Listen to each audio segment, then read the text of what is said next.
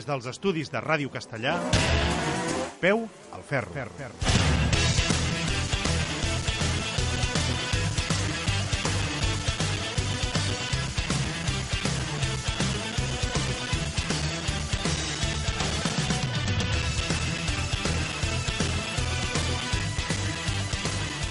Benvinguts una setmana més a Peu al Ferro, el magazín de motor en català, en la setmana on celebrem els 40 anys del títol de James Hunt en Fórmula 1 i el, el 17è aniversari del de l'Àlex Cribiller a la categoria Reina. Parlarem també en aquest programa de com el Lewis Hamilton manté viva la lluita pel títol del Campionat del Món de Fórmula 1 amb una impecable victòria al circuit de les Amèriques d'Austin, a Texas. També eh, anirem a Austràlia per parlar del Gran Premi de Phillip Island, un circuit que sempre ens deixa imatges increïbles, on el campió Marc Márquez va caure quan rodava primer i on Carl Crutchlow va aconseguir la segona victòria de la seva carrera esportiva. De tot això i més en parlarem durant els propers minuts de benzina. Abans presentem els nostres compon els components del nostre programa, el programa més optants de la ràdio catalana.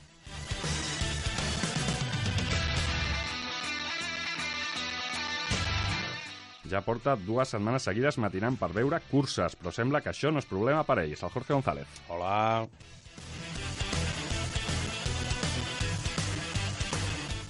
La veu de la ràdio femenina, la dona que parla amb les Ducati. És l'Anna Parera. Hola. Avui el tenim a la redacció i no serà amb nosaltres, però està en, en, en Alma també aquí encara que no en cos. És el rookie del programa, el Guillem Plans.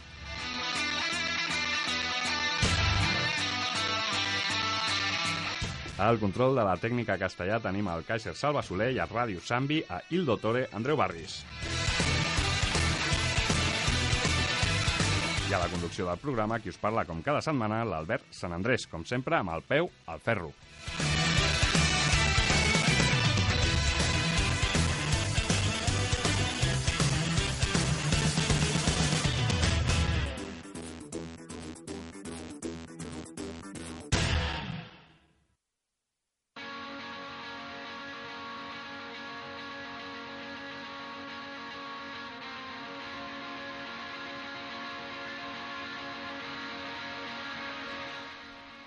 Comencem amb un dels pocs mundials que encara són per decidir, el de Fórmula 1, on Lewis Hamilton va donar un cop a la taula amb la victòria al Gran Premi dels Estats Units al circuit d'Austin, a Texas. Jorge. Uh, no, Anna.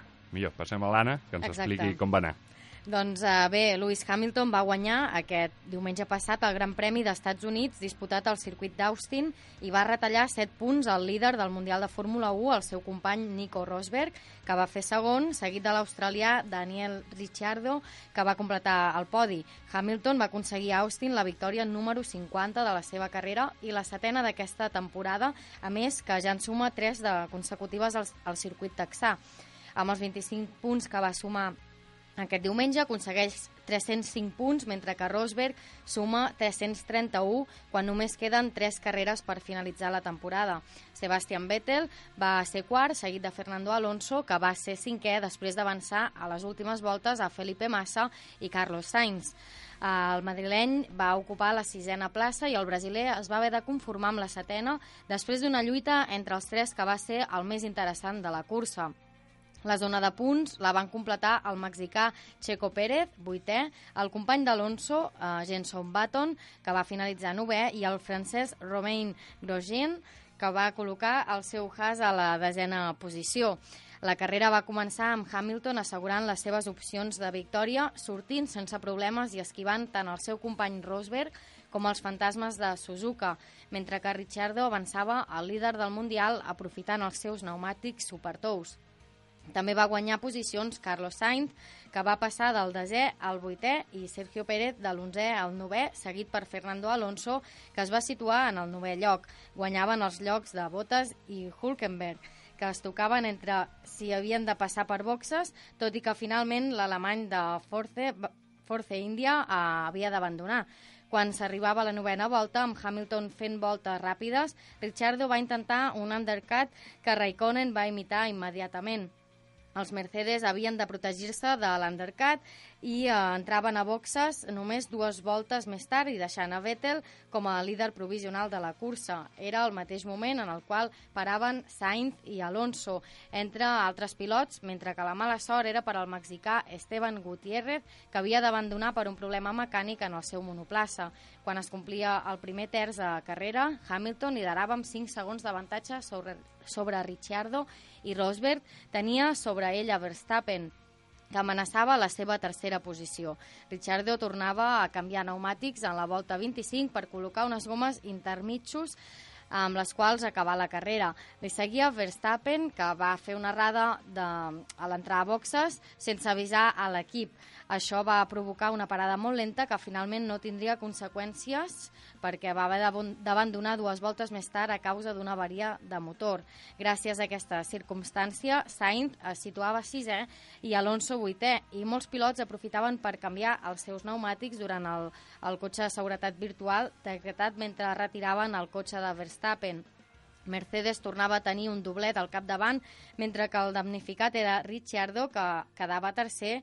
Eh, es queixava per això per ràdio que l'escuderia alemanya havia tingut un pit stop gratis en poder passar per taller sense la pèrdua de segons que haguessin tingut en condicions normals de carrera. El següent en problemes era el finlandès Kimi Raikkonen, que era quart amb el seu Ferrari quan passava per boxes, on li van col·locar malament la roda posterior dreta. El campió mundial, el 2007, es quedava aturat en sortir del pit lane i deia adeu a la cursa. Amb les posicions capdavanteres consolidades, amb àmplies distàncies entre pilots, el focus competitiu es centrava en el trio Sainz-Massa-Alonso. Alonso va reduir distància amb el brasiler i quan estava a prop de Williams va aprofitar una errada de massa per avançar-lo. Sainz havia bloquejat els frens i Massa va modificar la seva trajectòria, cosa que va aprofitar l'Asturià per tirar-se a l'interior i guanyar-li la plaça al brasiler. La maniobra no va estar exenta de polèmica perquè es van tocar i van anar fora de pista, però finalment els comissaris esportius van decidir que no hi havia cap culpable en aquesta maniobra. Les dues últimes voltes van ser una batalla preciosa entre els dos espanyols amb el Toro Rosso, resistint els atacs de McLaren fins a la última volta, quan Alonso va fer ús del DRS per avançar a Carlos Sainz i pujar fins a la cinquena posició. Per davant, Hamilton signava la victòria sense inconvenients, seguit per un Rosberg que, que segueix descomptant les carreres per fer-se el seu primer Mundial de Fórmula 1, sempre que no hi hagi cap sorpresa en les tres cites que queden. A la propera cursa de Mèxic, l'alemany tindrà el primer matchball on podrà proclamar-se campió del món matemàticament. Gràcies, Anna. I, com sempre, tenim un, una de les veus més autoritzades del país quan parlem de Fórmula 1. Ja el coneixeu, és el Martí Muñoz, redactor en cap de soymotor.com. Benvingut de nou, Martí. Bona tarda, Albert. Com estem? Eh, quin, quin resum podríem fer del Gran Premi de Texas? Un Gran Premi que ens va deixar imatges molt bones. Sí, no, va ser una cursa realment bona i penso que el millor del tot, més enllà de, de si va guanyar Hamilton o va guanyar Rosberg, és, és comprovar que, que ara mateix Red Bull ja està en condicions de, de lluitar contra Mercedes. No? Ho vam veure, Ricciardo i Verstappen van posar molt contra les cordes al Rosberg i tenim aquests dos cotxes que, sens dubte, seran decisius en la lluita pel Mundial perquè ja no, no és qüestió de que Rosberg pugui quedar primer o segon. Ara, si s'equivoca, si potser pot acabar quart, i si acaba quart ja perds uns quants punts. Així que tindrem una mica més d'emoció. Hola, Martí, parla el Jorge. Bones.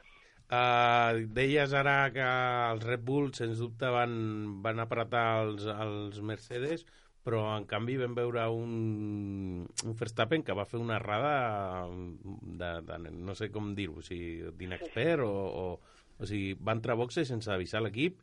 Això ja va trastocar la seva, la seva estratègia i a més després va trigar molt a parar el cotxe i això indirectament no era previsible però va influir a, a Ricciardo. I a més a més els Mercedes van poder fer un, un pit stop de gratis com deia, com deia Ricciardo sigui, ell mateix li va espatllar l'estratègia al seu propi equip. Sí, sense voler-ho. Uh, la veritat és que el Verstappen va tenir, un, va tenir una cursa força dolenta. Uh, en aquest sentit, tot i que al final va guanyar el, el premi al pilot del dia, però, però, bueno, però perquè és un premi que és totalment corrupte, és a dir, que no, no, no té cap representació real.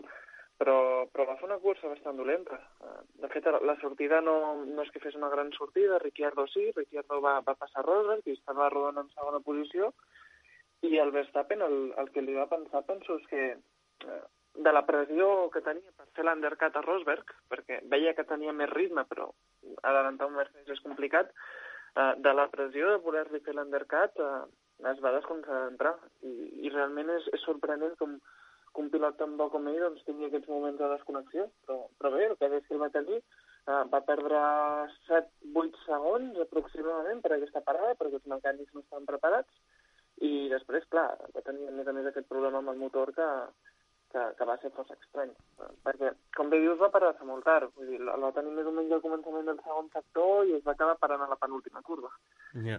Potser, I... si, si has arribat tan tard, potser pots arribar fins a pit lane i no passarà res. Clar. El que sí que és veritat és que va rodar molt ràpid. O sigui, va apretar, de veritat. Sí, sí, sí. Tam també perquè, eh, clar, Rosberg, quan, quan a la sortida cau de la segona a la tercera posició, eh, passa que ell és més ràpid que Ricciardo, però no pot adelantar-lo. Uh, llavors, clar, Rosberg en aquell moment l'estaven frenant, això també fa que el Verstappen doncs, es pogués enganxar, perquè com em mostra, un cop Rosberg passa a Ricciardo amb l'estratègia, Rosberg desapareix. Eh, el, el problema és que durant la, la primera meitat de la cursa el tenia el Red Bull al davant, eh, va fer una mica d'efecte tap. I, I el Verstappen realment ho va fer, ho va, va aprofitar molt. La llàstima és el que va passar després. Va ser massa conservador el Rosberg, per exemple, a la sortida, que només va cobrir el, el Hamilton i li va deixar la porta totalment oberta a Ricciardo? És una bona pregunta. Uh, és una bona pregunta. Jo no, no, no crec que, que fos conservador. Uh, crec que la, la sortida, dintre del que podria passar, Ricciardo anava amb supertous i tenia més adherència, doncs po podia passar. Uh, on sí que crec que van ser conservadors i no ho vaig entendre va ser la primera parada, perquè la primera parada Rosberg, en comptes de posar tous, sinó que va fer Hamilton, uh, posa mitjos. Llavors estava en un moment que ja estava amb Ricciardo al davant, Verstappen al darrere, tots dos amb pneumàtics tous, i ella estava amb pneumàtics mitjos, i amb pneumàtics mitjos no tenia prou ritme per passar el Red Bull. I, i, i al final va tenir sort amb el cotxe de seguretat virtual que, que més o menys ho va poder arreglar, però, però aquell canvi pneumàtic no, no el vaig haver d'entendre. Mm -hmm. Li tremolarà el, pos, el pols a Rosberg si, si no comet errades al Hamilton, ara que sembla que la mà negra aquesta de tota la temporada no, Uh, no, no està per aquí? doncs no ho sé, uh, no ho sé, la veritat, perquè uh, no, és que Rosberg no ha tingut cap ascendó estrany aquesta temporada, no, excepte per aquell accident que va tenir a Barcelona amb Hamilton. No, no ha tingut cap problema mecànic, no ha tingut cap accident amb un pilot, i, i és molt estrany que un pilot acabi una temporada sencera sense tenir cap error. Uh, eh, no ho sé, no ho sé. El problema també és que com que més a més tenim el Red Bull pel mig, eh, per, per exemple, aquí Rosberg al final és segon, però hi ha un moment que Verstappen semblava que podia adelantar-lo, i, i és molt diferent a, a quedar tu segon i que Hamilton guanyi, a que Hamilton guanyi i tu quedis quart. Llavors, uh, potser encara tindrem una mica més d'emoció de la que pensàvem. -hmm. Sembla que Red Bull, com parlàvem abans, ha donat un pas endavant, que ja es pot medir fins i tot amb els Mercedes, però a l'altra banda està Ferrari, que està en aquests moments tercer al campionat de constructors, que Raikkonen va quedar fora per una errada que, bueno, es podria, es podria parlar molt d'aquesta errada del per què va ser, i amb el Vettel, que no va poder ni arribar al podi, que va fer quart. Sí, Ferrari una mica en, en caiguda lliure. Uh, és una mica la, la tònica de, de tot aquest projecte i, i, a més a més, el divertit de tot plegat és que estan en caiguda lliure tot i que estan portant millores pel cotxe. És, és una de les coses més, més divertides. Uh, no sé, és que Ferrari és una involució molt gran. És, és molt...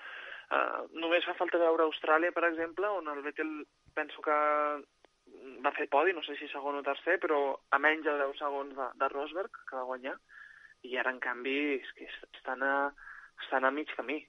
Estan cada cop més lluny de Red Bull. Eh, a la, a la pregunta és què passarà? Perquè, clar, Ferrari no, no poden tallar més caps perquè no, no hi ha massa gent a dintre. Ja no els hi queda gent. Uh, I el, una mica de... Comenta'm l'actuació d'Alonso. O sigui, l'avançament al Massa va ser ajustat Sí. I, i després l'avançament al, al Sainz també va ser, va ser curiós, no? perquè el va avançar bé, però es notava l'ànsia del pique que portaven entre ells, do, entre ells dos, molt, amista, molt amistós, però, però es notava un gran pique, i l'avança i se'n va totalment fora, o sigui, surt de traçada en tracció i se'n va cap a l'exterior del, del circuit, eh, com, com dos amics que juguen al karting. Què, què et va semblar l'Alonso en aquest circuit? A mi em va semblar molt bo. Ah, per una banda, em, em va saber greu, perquè la, la cinquena posició hauria estat el millor resultat de, de Sainz a la Fórmula 1, no? I, i, era, i era un, un resultat que, que aquest Toro Rosso, que és que amb prou feines es mou, cinquè amb un Toro Rosso, és, és d'aquestes curses que, que recordarien uns quants anys. I, i per aquest costat va saber greu. Però l'Alonso va, va, fer un, va fer un carrerón. I sortia 12 eh, en seguida es va situar en novè, just al darrere del Sainz, va estar rodant darrere de Sainz tota la cursa, i, i al final amb un avançament al massa que, que déu nhi no? Aquí li diguessis l'any passat que un McLaren estaria adelantant a Williams, eh, vale que el Williams d'aquest any ja no és com el de l'any passat, no? però, però és una bona imatge. I l'avançament al límit, al final fins i tot va haver-hi una investigació i tot, Uh, jo crec que massa no s'esperava que l'Alonso li entrés en aquella curva. Alonso era més un, un revolt amb un doble vèrtex i massa estava asseguda que no hi hauria el McLaren. I al final doncs, l'Alonso s'hi va llançar i van tenir un petit toc. O sigui que una mica de polèmica, però re extraordinari. Mm -hmm. Entre aquests eh, tres pilots, l'Alonso i el Massa, que han estat eh, dos pilots eh, que han guanyat curses, eh, en el cas de l'Alonso Mundial, eh, i en el cas del Carlos Sainz, un pilot que comença, és el millor que podem veure ara per ara, un, una, una baralla com aquesta que vam veure?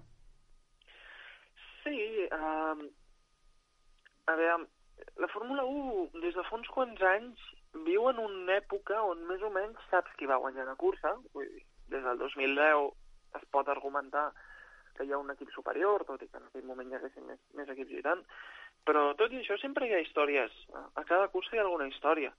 I, i en aquest sentit, penso que la realització televisiva va estar molt encertada, que està, estàvem a la penúltima volta i en comptes de veure la Hamilton guanyant una cursa crucial pel campionat, estàvem veient un Toro Rosso en cinquena posició. Així que per mi va ser un, un bon espectacle. Òbviament, no és el mateix espectacle que si McLaren i Ferrari s'estiguessin avançant l'un a l'altre per la victòria a l'última curva, però, però no va estar malament, no va estar malament. Mm -hmm.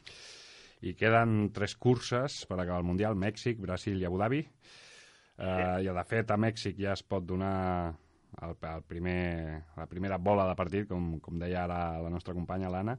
Eh, on creus que, que podem conèixer el campió d'aquesta temporada? Tornarà, tornarà aquesta manegra amb el Hamilton i serà a Mèxic o haurem d'esperar fins l'última cursa? Perquè veient aquest ritme que porten... Sí, jo vull pensar que, que serà Abu Dhabi. Uh, perquè per ser Mèxic uh, hauria de guanyar Rosberg, que pot passar, però Hamilton hauria de fer desè o pitjor. Perquè fins i tot, si Hamilton fes desè, puntuaria, i llavors podrien quedar empatats a punts, però en aquest cas hipotètic uh, Rosberg tindria 10 victòries, Hamilton tindria 9 victòries, de manera que Rosberg seguiria sent campió. O sigui que si Hamilton és desè, o pitjor, ja, ja ho tindríem solucionat. Però no ho sé. El problema és que Hamilton és millor que Rosberg. I el problema és que Hamilton aquest any, per un motiu o altre, no estat en disposició de ser ell mateix, perquè sempre hi ha hagut alguna cosa que el perjudicava. Uh, si no eren les sortides, era un problema mecànic, i, i si Hamilton és Hamilton, mm, té molt a dir. Té molt a dir. El problema és aquest. El problema és si torna a tenir mala sort. Però si, si no passa res, jo crec que s'aniran a l'última cursa, sens dubte. Mm -hmm. Doncs mirarem de parlar amb aquesta manegra o, o amb el Niki Lauda i ja, ja, ja veure com va, a veure com va el Gran Premi de Mèxic. Eh, Martí, veurem, veurem. Martí Muñoz, moltes gràcies una vegada més per ser aquí amb nosaltres i, i t'esperem la propera setmana a veure què és el que ha passat eh, en aquest Gran Premi de Mèxic. Molt bé, parlem, doncs. Bona, bona nit.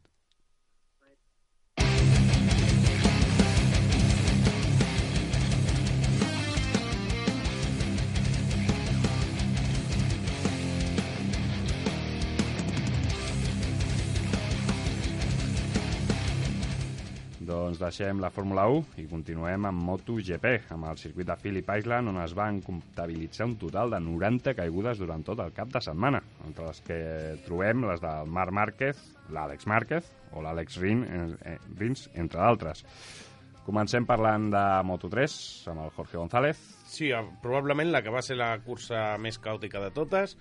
La veritat és que tot el cap de setmana va ser molt complicat perquè va haver-hi molta pluja, molt de vent, baixes temperatures i a més la pluja anava i tornava, o sigui, no es va fer cap entrenament tot en pluja, uh, aquells que van ser tot en pluja va ploure tant que van haver de, de parar-lo, hi havia tal quantitat d'aigua que era impossible no anar fent aquaplanings pel circuit, per tant, la veritat és que molt caòtic, no van tenir oportunitat de, de, de provar gaire i a més diumenge les curses van ser en sec. Per tant, tot d'entrenaments amb mullat Molt- molt o amb tot. mig mullat amb, i després el, la, les curses amb, amb sol en, De fet, el mateix Valentino Rossi ja va donar una entrevista, va declarar que, que, que ja havia parlat amb Dorna de, del tema de que aquest Gran Premi s'havia de canviar de dates per, per aquest tema de, de pluja, no?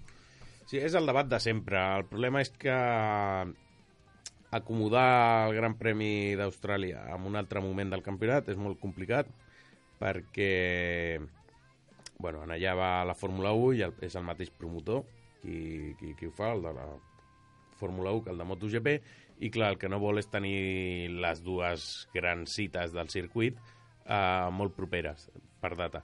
Clar, allà estan, són a l'hemisferi sud i, i per tant el més adient seria anar allà doncs, cap al, a principi de la temporada, cap al febrer, al març, una, una cosa així, però bueno, no, sembla ser que no és possible, això és, És difícil fer-ho, sí. és molt complicat. Clar, A més, que ja està muntada la gira asiàtica aquesta, que són diverses curses, i potser passar-ho tot a principi de, de temporada seria molt difícil, també, o, i, i ficar al mig el Sí, però- Premi d'Austràlia potser seria però aqu- estrany. Aquesta, aquesta capacitat logística a Dorna la té.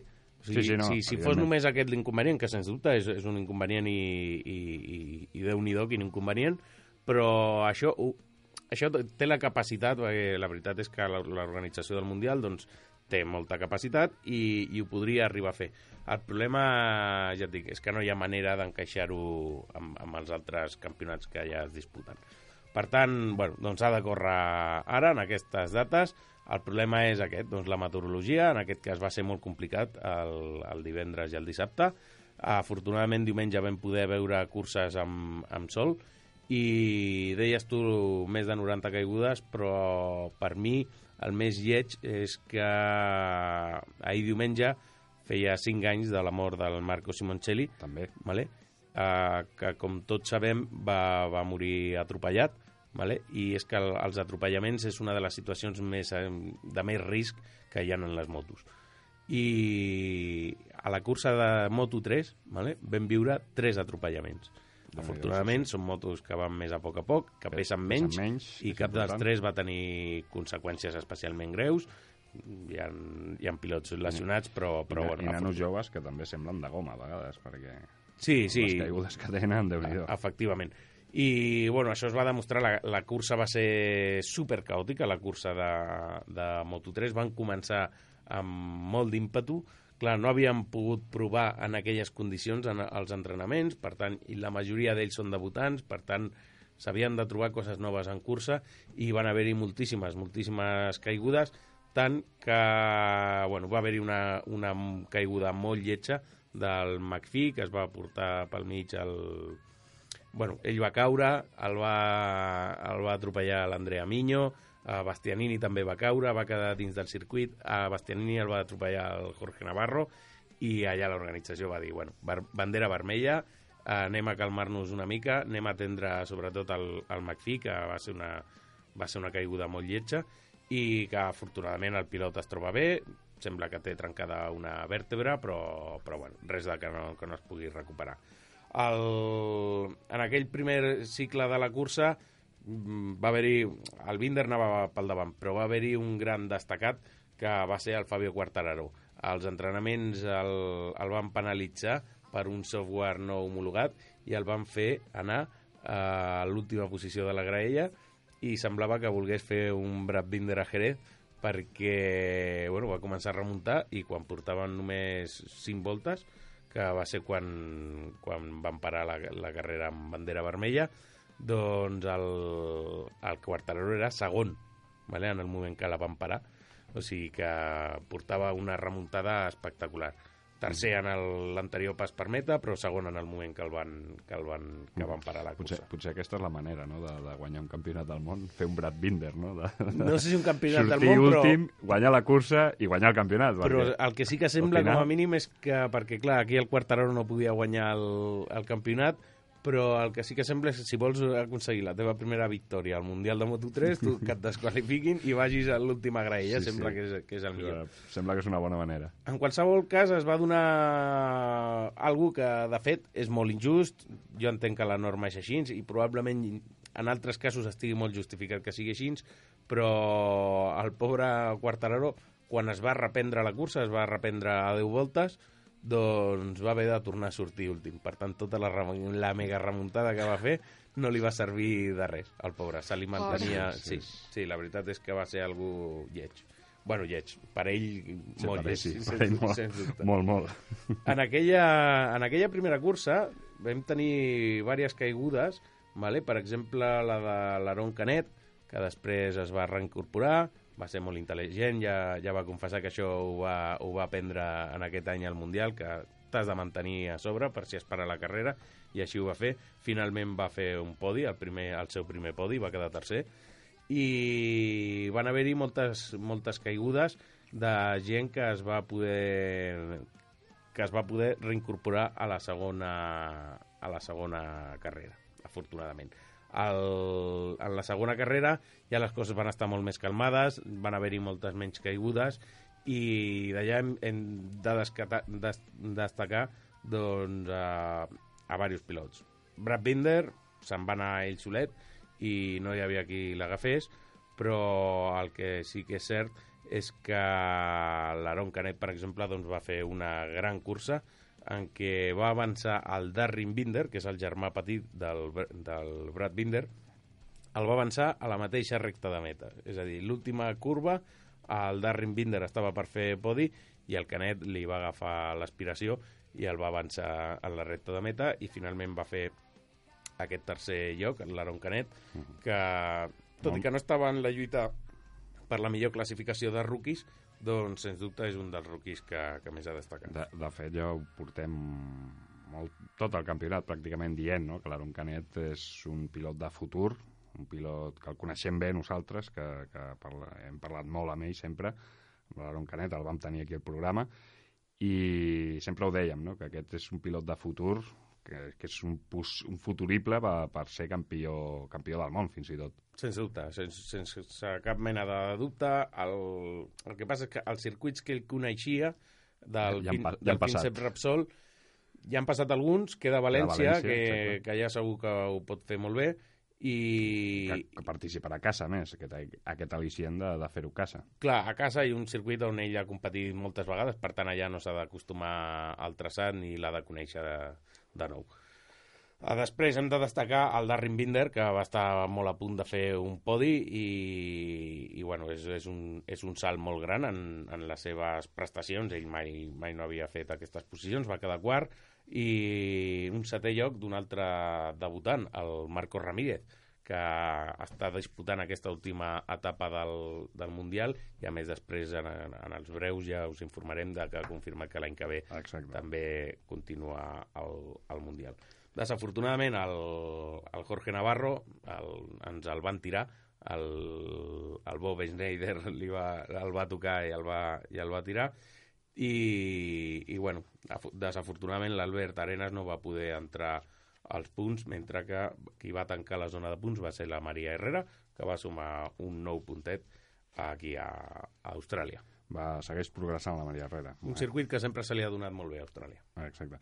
Passem a Moto2, amb victòria de Thomas Luthi. del Thomas Luthi, que últimament està, està ressorgint i és un pilot que ja porta moltes victòries, però és que porta molts, Molts molts, anys, anys. participant i mai no ha guanyat el campionat de, del món, però la veritat és que bueno, ho està fent, sembla que últimament té, té molt de ritme, ho està fent molt bé, a més, bueno, va ser un pique amb el Morbidelli i li va, li va guanyar la, la partida, finalment, en l'última volta, i el Sandro Cortesa, que també es va quedar molt a prop i semblava que tenia ritme per arribar si hagués tingut alguna volta més, i és que va tenir molt, molt bon ritme. Uh, aquí l'important d'aquesta cursa va ser el, el títol que està en joc entre el Zarco i l'Àlex Rins i els dos ho van fer molt malament. Molt malament, això t'anava a dir. Primer, no va ser la seva cursa. Eh? L'Àlex Rins, bueno, no sé si podem dir que ho va fer malament, perquè la veritat és que va caure, però no per culpa seva, li va fallar el, el canvi, li va entrar un punt mort entre quarta i tercera, i això en plena apurada de frenada i se'n va anar fora i clar, la gespa encara estava humida i, i no va poder fer no va poder evitar la caiguda, era molt difícil i és una llàstima perquè en caure doncs, clar, ell havia de recuperar punts estava a 21 punts de distància del Johan Zarco i s'està jugant el títol per tant, una llàstima perquè només li quedaven tres carreres i ara ja només li queden dues Malèsia i València, per tant... Serà, serà difícil. Serà estarà, estarà difícil. difícil. Ara està a 25 puntets i, i ha de recuperar molt. El, per la seva banda, el Zarco, doncs podríem dir, ostres, ell va veure perfectament com que hi ha rins, per tant, era lògic que ell intentés sumar el màxim no, número de punts per tal d'obrir més marge, i no ho va aconseguir. La veritat és que el, arrel de que va caure el, el Rins, doncs el, el Zarco va, va reduir bastant el seu rendiment i es va quedar últim del grupet on estava i bueno, no va fer una carrera gens bona i finalment va ser dotzer. Per tant, gens bé tampoc, no, no, sí, ho, va no, fer, no, va... no ho va fer gens bé. Hem de destacar el Xavi Vierge, que va fer una decena posició, el seu millor resultat. A poc a poc va, va sumant, va progressant, també. Sí, sí, i l'Àxel Pons, que en aquesta última etapa del campionat està fent molt, molt bons resultats en totes les curses i va fer un vuitè aquí, com dèiem, eh, en un gran premi super complicat, mentre mm. que el seu germà l'Edgar va sumar dos puntets de la 14a posició. I passem a la categoria gran, on potser més sorpreses hi van haver eh, els dos equips grans, a Yamaha i, i a Honda, no? Bueno, la gran sorpresa va ser els entrenaments perquè no van poder passar a la Q2 ni al Viñales, ni al Rossi, ni al Lorenzo. Per tant, allà hi havia tres pilots que, que havien d'haver passat, bueno, que sempre estan a la Q2 i que en aquest cas no van, no van poder, es van quedar en la Q. I igualment aquests van remuntar, lògicament, en, en cursa.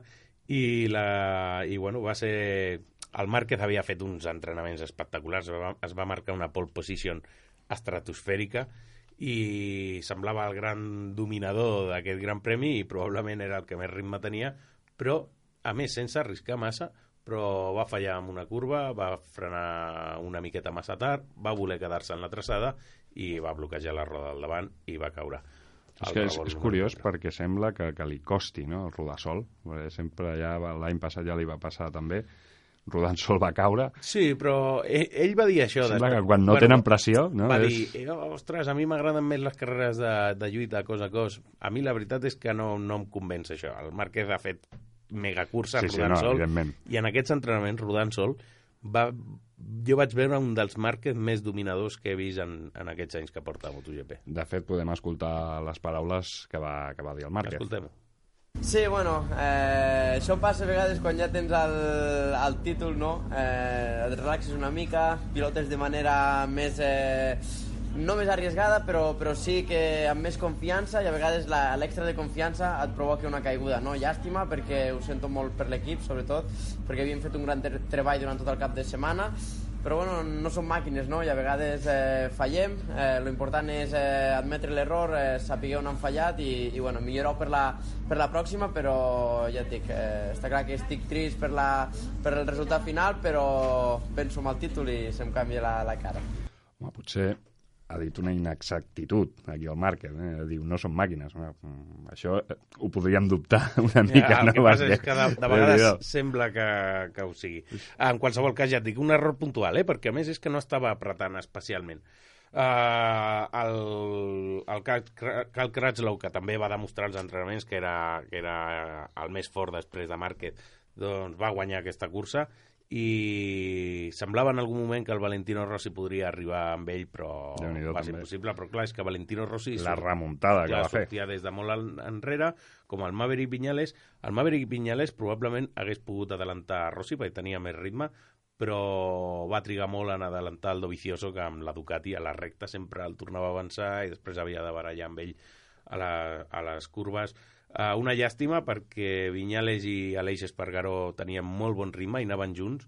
Uh, finalment l'Aleix Espargaró va caure a poc del final, una llàstima per ell, ja et dic, un, un Rossi i un Viñales que van completar el podi, amb, amb un Pol Espargaró que també va fer molt, molt bona cursa, amb molt bon ritme, en les primeres posicions al principi de la cursa, i un Jorge Lorenzo que ha estat desconegut, descolorit durant tot, tot, tot el cap de setmana perquè en mullat no va rodar gaire bé i en cursa doncs, no va tenir sensacions en cap moment, ja sabem que és un pilot molt fi, molt de pas per curva i quan no té aquestes sensacions doncs, doncs ell se'n va molt cap enrere. I no ho hem dit, però també el, el, la tornada a MotoGP del Nicky Hayden.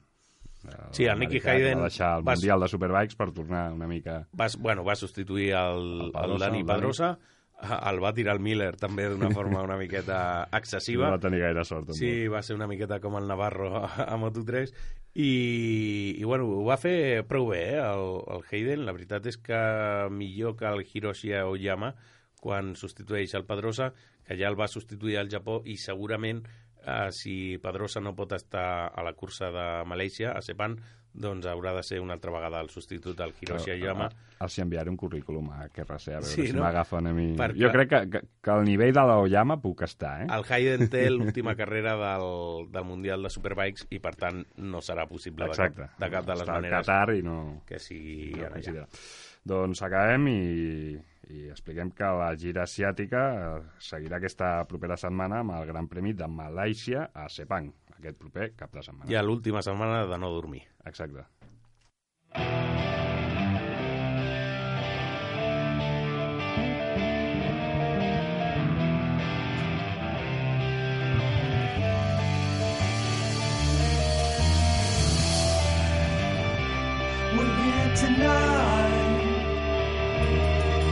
I canviem de nou de registre. Anem a parlar de la pujada a Ullastrell, puntuable pel Campionat Català de Muntanya, ja que hi va haver rècord de participants en la sisena edició d'aquesta pujada i que va ser el primer memorial Lluís Costa, amb prop de 90 vehicles participants. Xifra rècord de participació en la penúltima prova de la temporada del Campionat de Catalunya de muntanya, amb prop de 90 vehicles que van prendre la sortida a la pujada Santa Maria de Villalba a Ullastrell, que en la seva sisena edició estrenava memorial en record d'en Lluís Costa, que va ser president de la Comissió de Muntanya i oficial d'automobilisme, molt estimat entre pilots i organitzadors. La prova, organitzada pel club Més Gas Factory, constava de dues mànegues d'entrenaments cronometrats i dues curses sobre un tram de 3,8 quilòmetres, al llarg del qual es van aplegar nombrosos aficionats del motor en una matinal assolellada. Juan José Moll, amb un Speedcar GTR, havia marcat el millor temps en la segona mànega d'entrenaments cronometrats. El Balear es va imposar també en cursa, sent el més ràpid en la primera de les pujades de carrera, l'única en què va puntuar, ja que, com la resta de monoplaces, no va poder disputar la segona cursa per l'accident d'un participant que va obligar a suspendre al final de la prova. Francesc Moner, actual campió de Catalunya, va ser segon en la primera mànega d'entrenaments i el més ràpid en la segona al volant del seu Demon Car. En cursa va quedar darrere, el, darrere Moll ocupant el segon calaix del podi a només dues dècimes del guanyador. Ramon Plaus, amb un Speedcar H16, va aconseguir el segon millor temps a la primera mànega d'entrenaments cronometrats. L'Andorrà pujaria al tercer calaix del podi després de completar el recorregut a només tres dècimes del vencedor de la jornada. Pel que fa a la categoria de turismes, el millor classificat va ser Gerard de la Casa, vuitè en la general de la jornada, amb l'habitual Seat Córdoba World Rally Car. Amb aquesta victòria en turismes, l'Andorrà de la Casa va proclamar-se per cinquena vegada consecutiva campió de Catalunya de muntanya. El segon calaix del podi en turismes el va ocupar Luis Aguilera, amb un Seat León que va fer valer el temps aconseguit en la primera mànega de cursa. En la segona abandonaria després de patir un accident en un dels revolts de la pujada. Fèlix Jurado, amb un Mitsubishi Evo 7, va ser tercer entre els participants de la categoria de turismes, desè a la general de la jornada a només mig segon del segon classificat. I per finalitzar, el trofeu Propulsió va ser per l'Oriol Soler amb un BMW 318.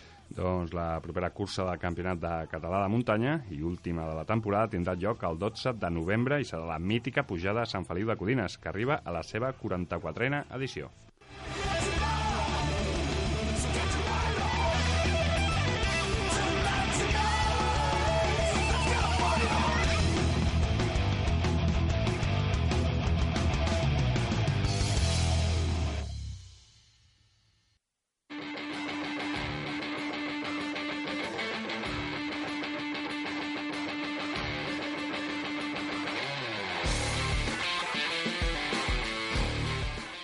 Comencem els breus parlant de l'autocross i la resistència de Lleida. Els germans, els germans Torrelles, l'Abel i el Jesús, van guanyar la resistència de Lleida amb el seu Seat Ibiza amb un total de 127 voltes i 1 minut i 46 segons d'avantatge sobre el segon classificat. Pel que fa a l'autocross, l'Ismael Passarín va imposar-se amb el seu saxo a la divisió 2A, mentre que Joan Serrat va imposar-se a, la, a la 2 i David Casadevall en carcross. Cale Robampera, fill del mític pilot de Seat Harry Robampera, campió de la Tònia de ral·lis amb només 16 anys. El fill de Harry Robampera, el Cale, va proclamar-se campió de Letònia de ral·lis després de vèncer el ral·li de Zemaitja, disputat a Lituània.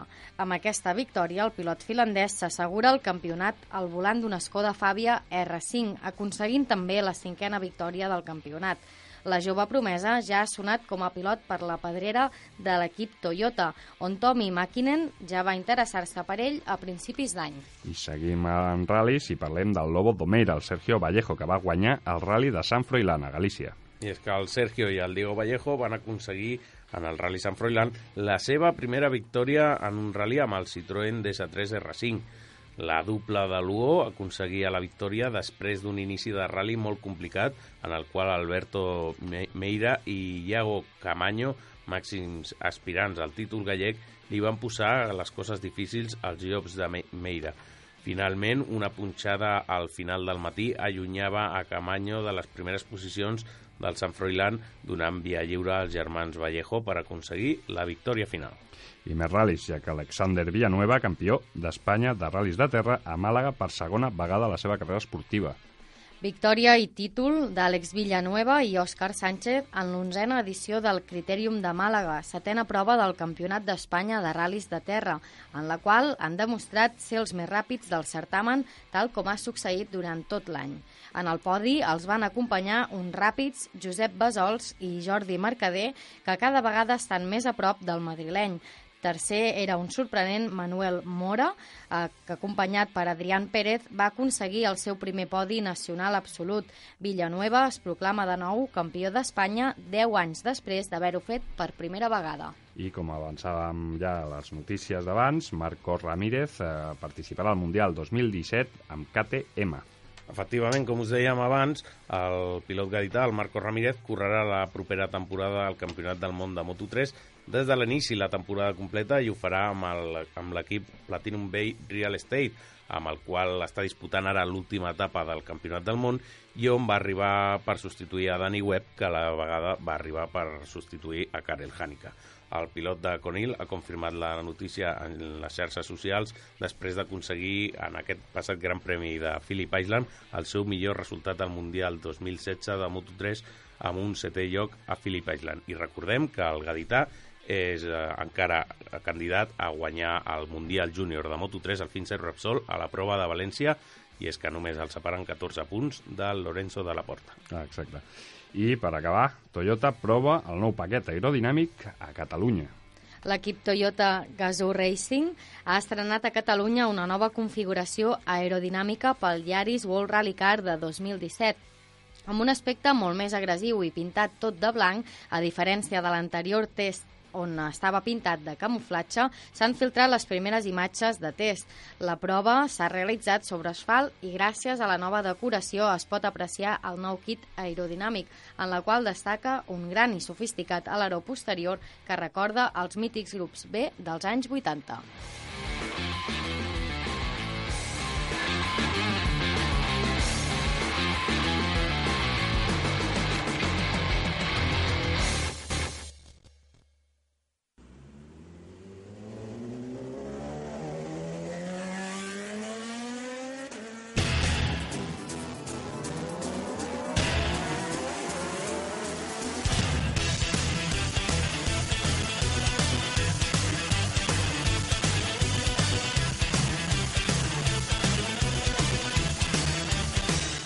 Per acabar, com sempre, l'Anna ens porta l'agenda setmanal del món del motor. Doncs sí, i aquesta setmana el motociclisme segueix sent el protagonista amb el Gran Premi de Malàisia al circuit de Sepang. D'altra banda, l'Osail, a Qatar, posarà punt i final al Campionat del món de Superbikes. Mèxic serà la propera parada de la Fórmula 1, on viurem un nou capítol pel títol mundial entre Lewis Hamilton i Nico Rosberg després de la cita de Catalunya amb el Rally RAC i de que Sebastián Ogier s'assegurés el Campionat del Món, el Rally de Gales serà la propera prova de transició per la resta de pilots a partir de dijous i fins diumenge. Sense deixar els ral·lis i aquí a casa, la primera edició del Costa Daurada Legend tindrà lloc divendres i dissabte per les carreteres tarragonines, mentre que dissabte es celebrarà la cinquena edició de l'Eslàlom de Tàrrega.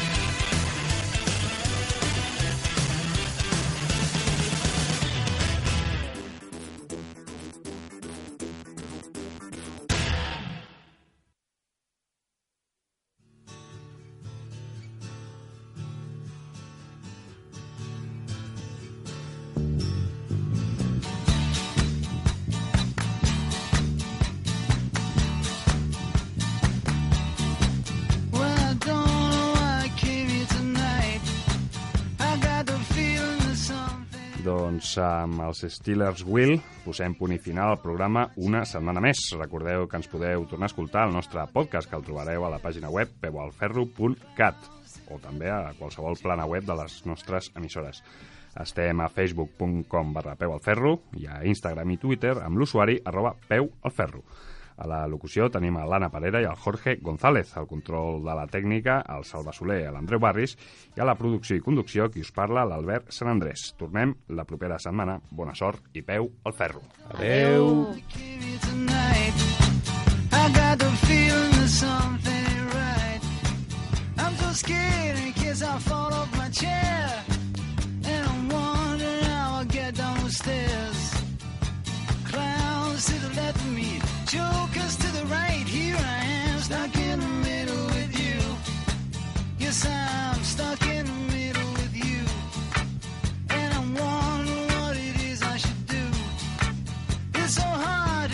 smile from my face. Losing control,